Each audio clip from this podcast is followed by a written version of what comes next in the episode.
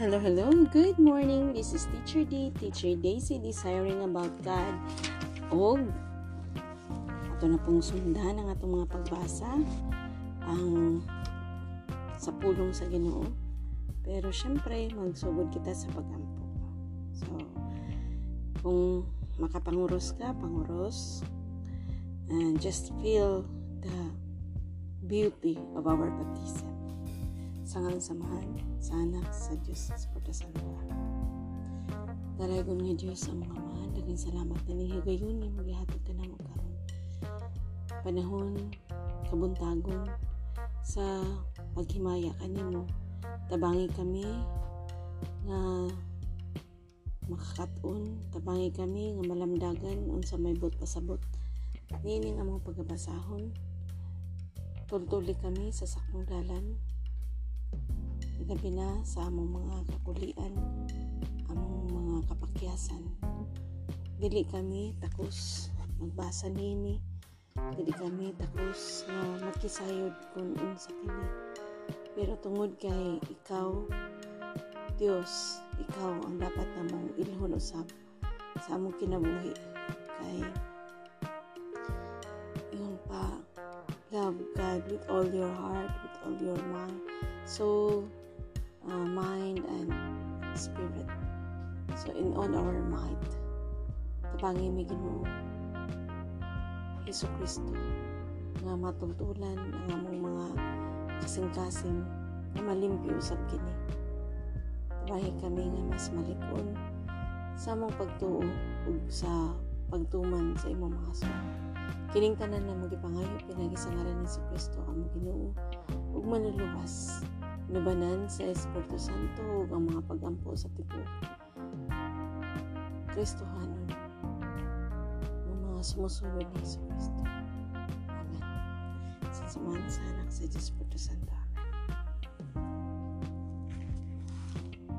Mga buhat ang mayong balita kinagtugikan sa mga buhat sa Apostoles, Kapitulo 13. Versikulo 1 hangtod sa 51. Ipili og ipadala si Bernabe ug si Saulo. Sa simbahan sa Antioquia, dihay mga propeta ug mga magtutudlo nga si Bernabe, si Simeon nga gianggaag negro, si Lucio nga taga Sirin, si Manain nga magtut na matuto uban sa uban ni gobernador Herodes ug si Saulo. Usa ka adlaw niya na samtang nagsimba sila sa Ginoo ug nagpuasa miun kanila ang Espiritu Santo. Igahin alang kanako si Bernabe ug si Saulo alang sa buluhaton nga maoy hinungdan sa pagtawag ko kanila. Busap nagpuasa sila ug nagampo ug gipandungan nila sa ilang mga kamot si Bernabe ug si Saulo. Ug niya ilang gipalakaw sila. Dito sa Sipre, Busa, minanduan sa Espiritu Santo si Bernabe ug si Saulo nangato sa Seleucia ug gikan didto milawig sila ngadto sa pulo sa Sipre. Sa pagabot nila sa Salamis, giwali nila ang pulong sa Dios sulod sa mga sinaguga. Sa mga Hudiyo, kuyog kanila si Juan Marcos silbing katabang. Gilukop nila pagtaak ang isla hangtod sa Papos. Din ilang gika hinagbo ang usa ka salamangkero nga ginganlag Bar Jesus nga usa ka Hudiyo nga nagpatuo nga propeta. Higala siya sa gobernador sa pulo nga si Sergio Paulo ug usa ka tawo nga hait ug salabutan. Ipatawag sa gobernador si Bernabe ug si Saulo kay gusto niya gusto siyang mamati sa pulong sa Dios. Apan gibabagan sila sa salamangkero nga si Elimas kini ang iyang ngalan nga Grego. Kay dili man siya buot nga mutuo ang gobernador. Unya si Saulo na ilhan usab sa ngalan nga Pablo nga puno sa Espiritu Santo mitutok sa salamangkero ug mingon kaniya anak sa yawa kaaway ka sa tanang maayo napuno ka sa tanang matang sa kadautan ug limbong ug kanunay kang naninguha sa pagtuoy sa kamatuoran sa Ginoo karon silutan ka sa Ginoo ug mabuta ka ug dugay-dugay nga dili makakita sa kahayag sa adlaw ug diha-diha na matngunan ni Elimas nga mingit-ngit ang iyang pananaw ug nangarap karap siya sa pagpangitag makaaga kaniya. Ang gobernador nakabig sa dihang nakita niya ang nahitabo ug nahibulong siya pag-ayo sa pagtulunan mahitungod sa Ginoo. Miabot sila sa Antioquia sa Pisidia. Si Pablo ug ang iyang mga kauban milawig gikan sa Papos ug miabot sa Perga sa kayutaan sa Pamplia apan si Juan Marcos mibulag kanila dito ug mibalik sa Jerusalem gikan sa Perga miadto sila sa Antioquia sa Pisidia ug sa adlaw ipapahulay misulod sila sa sinaguga ug milingkod dito. Human sa pagbasa sa usa ka bahin sa balaod ni Moises ug sa sinulat sa mga propeta, gipasuguan sila sa mga kadagkuan sa sinaguga nga nag-ingon. Mga igsuon kung aduna ka mensahe nga makadasig niining mga tawo, mahimong isulti ninyo karon Mitindog si Pablo, misinyas pinaagi sa iyang kamot ug miingon.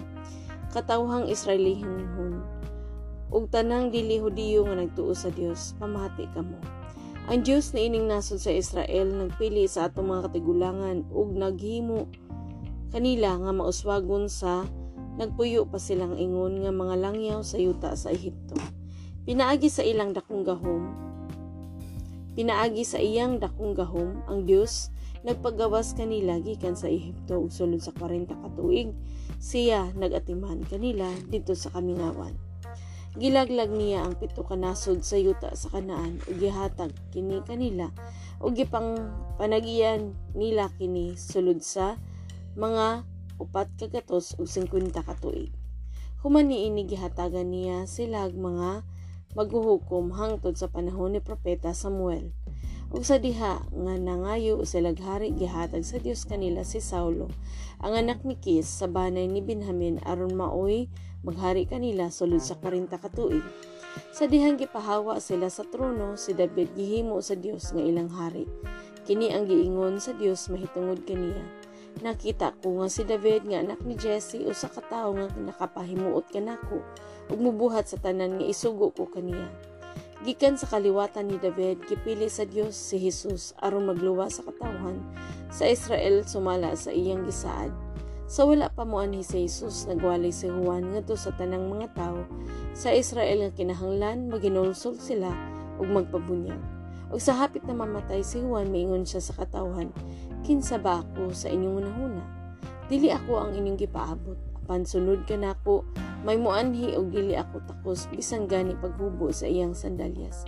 Mga igsuon nga kaliwat ni Abraham ug kamong tanang dili Hudiyo nga nagtuo sa Dios kita mao ang gipa dad-an ni ining mensahe sa kaluwasan.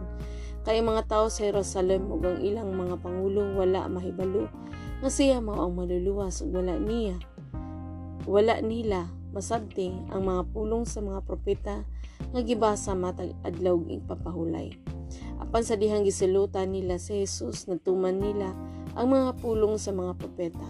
Ug bisan wala sila nakitang katarungan sa pagsilot kang Jesus sa kamatayon ilang gipangayo gikan ni Pilato nga patyon siya. Ug human nila mabuhat ang tanang gisulti sa kasulatan, mahitungod kaniya gikuha nila siya sa krus ug gilubong. Apan gibanhaw siya sa Dios ug sulod sa daghang mga adlaw, nagpakita siya ni atong miuban kaniya gikan sa Galilea ngadto sa Jerusalem sila karon mao ang iyang mga saksi. Ngadto sa katawhan ug mianhi kami aron pagdala kaninyo sa maayong balita. Nga ang gisaad sa Dios ngadto sa atong katigulangan gibuhat sa Dios alang kanato karon nga ilang mga kaliwat pinaagi sa pagbanhaw kang Hesus sumala sa nasulat usab sa ikaduhang salmo ikaw ang akong anak karong adlaw nahimo ako nga imong amahan Mao kini ang gingon sa Dios mahitungod sa kamatuoran sa iyang pagbanhaw kang Hesus o sa kamatuoran nga si Hesus. Wala madunot sa lubnganan. Ihatag ko kanimo ang balaan o kasaligang panalangin nga akong gisaad kang David. Sumala usab sa iyang giingon sa laing bahin sa kasulatan, dili mo itugot nga madun madunot sa lubnganan ng imong balaang sulugoon. Kay sa imong panahon, Kay sa iyang panahon nagtuman si David sa gisugo sa Dios ug unya namatay gilubong tupad sa iyang katigulangan ug nadunot. Apan ang gibanhaw sa Dios wala madunot. Busa mga igsuon ko. Angay kamong masayod nga pinaagi kang Hesus gisangyaw diha kaninyo ang kapasayloan sa mga sala ug hibaluin ninyo nga ang tanan nga nagtuo kaniya naluwas sa tanang mga sala. Buta nga dili mahimo sa balaod ni Moises. Busa pagmatngon kamo aron dili mahim tabo kaninyo ang giingon sa mga propeta, mga mayubiton, katingala ug pagkamat ug pangamatay kamo. Kay aduna ako gibuhat sa inyong panahon nga dili gayud ninyo tuuhan bisan kung adunay magsulgilon niini kaninyo. Sa pagpagula na ni Pablo ug ni Bernabe sa sinaguga, gidapit sila sa mga tao sa pagbalik sa sunod adlawng igpapahulay aron sa sayan pa sila ni ining mga butanga. O sa natapos na ang tigom sa sinaguga daghang mga Hudiyo ug mga dili Hudiyo nga nakabig ngadto sa tinuuhan sa mga Hudiyo, ang misunod kang Pablo ug ang Bernabe gimaymayan nila ang mga tao ug gidasig sa pagpabilin diha sa grasya sa Dios.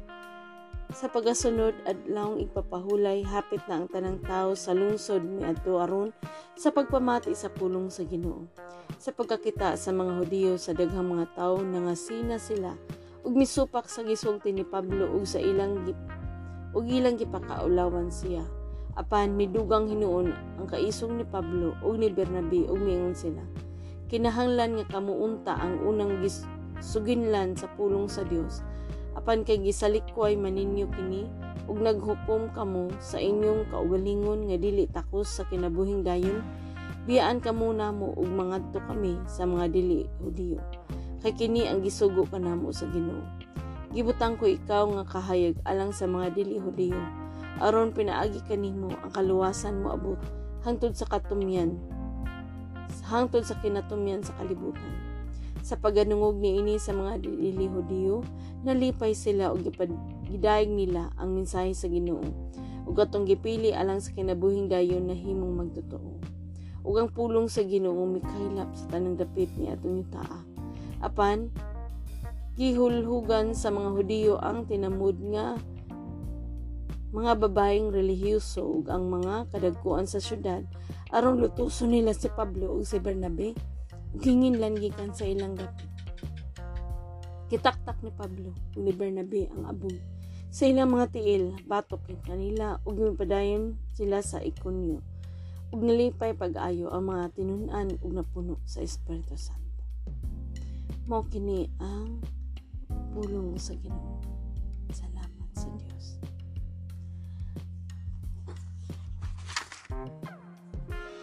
Asa ato ang nakapapukaw sa imong kasing-kasing. So, tagaan nato usa ka minutos para pag hinuklog unsay mensahe ka nato sa Ginoo.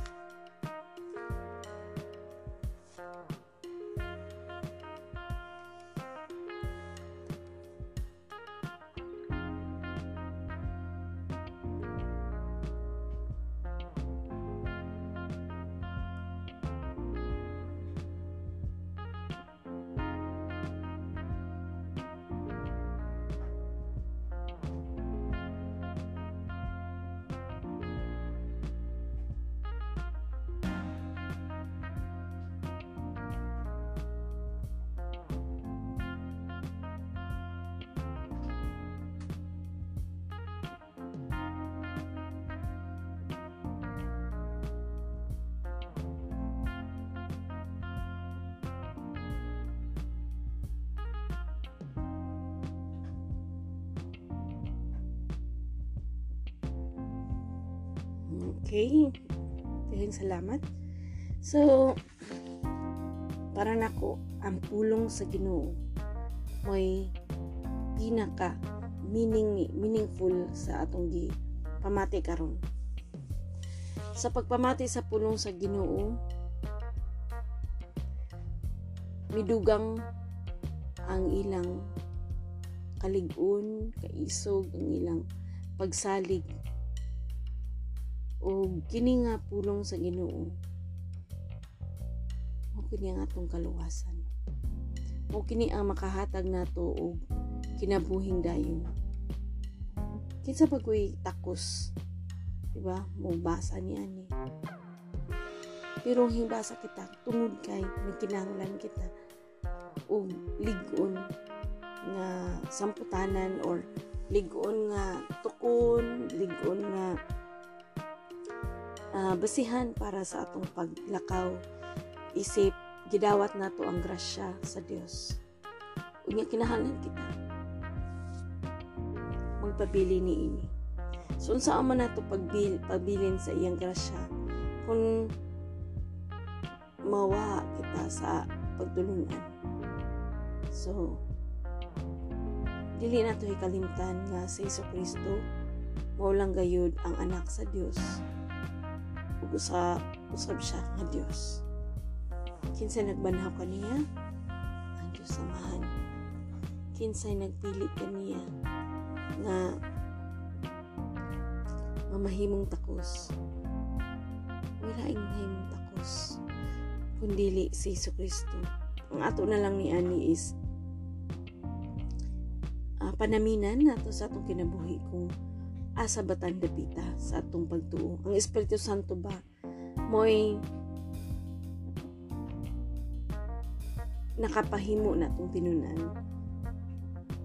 Napuno ba kita sa Espiritu Santo nga maka, makadasig pa kita sa uban pag-ingon sa pagstorya sa pulong sa Ginoo. Pagdasig sa uban, pagpalig-on sa uban, labi na sa mga mahuyang. So, dinhin na lang kita ko to. Daghang salamat sa imong pagpamati. Ay, before na to, ano na, ato ning hinaplugan ining verse 41. Mga mayubiton, katingala ug pangamatay kamo. Kay aduna ako gibuhat sa inyong panahon nga dili gayon ninyo tuuhan. Bisan kun adunay magsugilo ni ini kaninyo. Mga a- atong i-way up, way up, way down, everything nga dapat i-way up, i-way up. And there is nothing more nga takos na tong daygon kung dili ang Dios. Kung iyang anak na si Yesu Kristo. Kay kung daygon na to si Yesu Kristo, ato usab giday ang Dios amahan.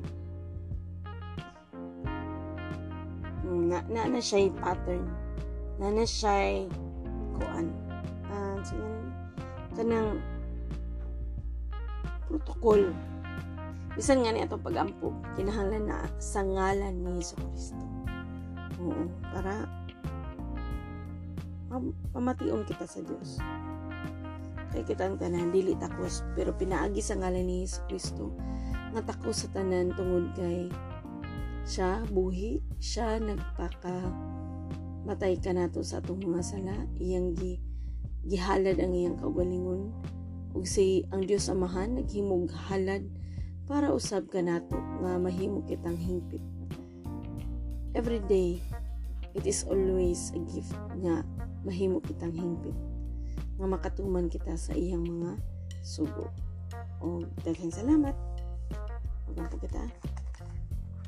Sa samahan sa anak sa Diyos Santo. Amen. Amahan na mong ana sa langit, balaan mo ng imong ngalan. Maghari ka kanamo ug tumano ng imong pagbuot ni sa yuta. Sa mga gituman kini dito sa langit.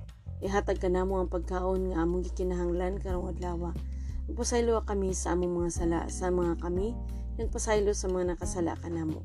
Ayaw kami tugyan sa pagsulay, luwasay noon kami gikan sa dautan. Kay imong gingharian ang gahum ug ang himaya hangtod sa kahangturan. Kay kun among pasayloon ang nakasala kanamo, pasayloon usab kami sa among amahan nga tuwa sa langit. Apan kung dili namo pasayloon ang nakasala kanamo, dili usab kami pasayloon sa among amahan nga tuwa sa langit. Amen. Sa samahan sa anak sa Diyos Espiritu Santo.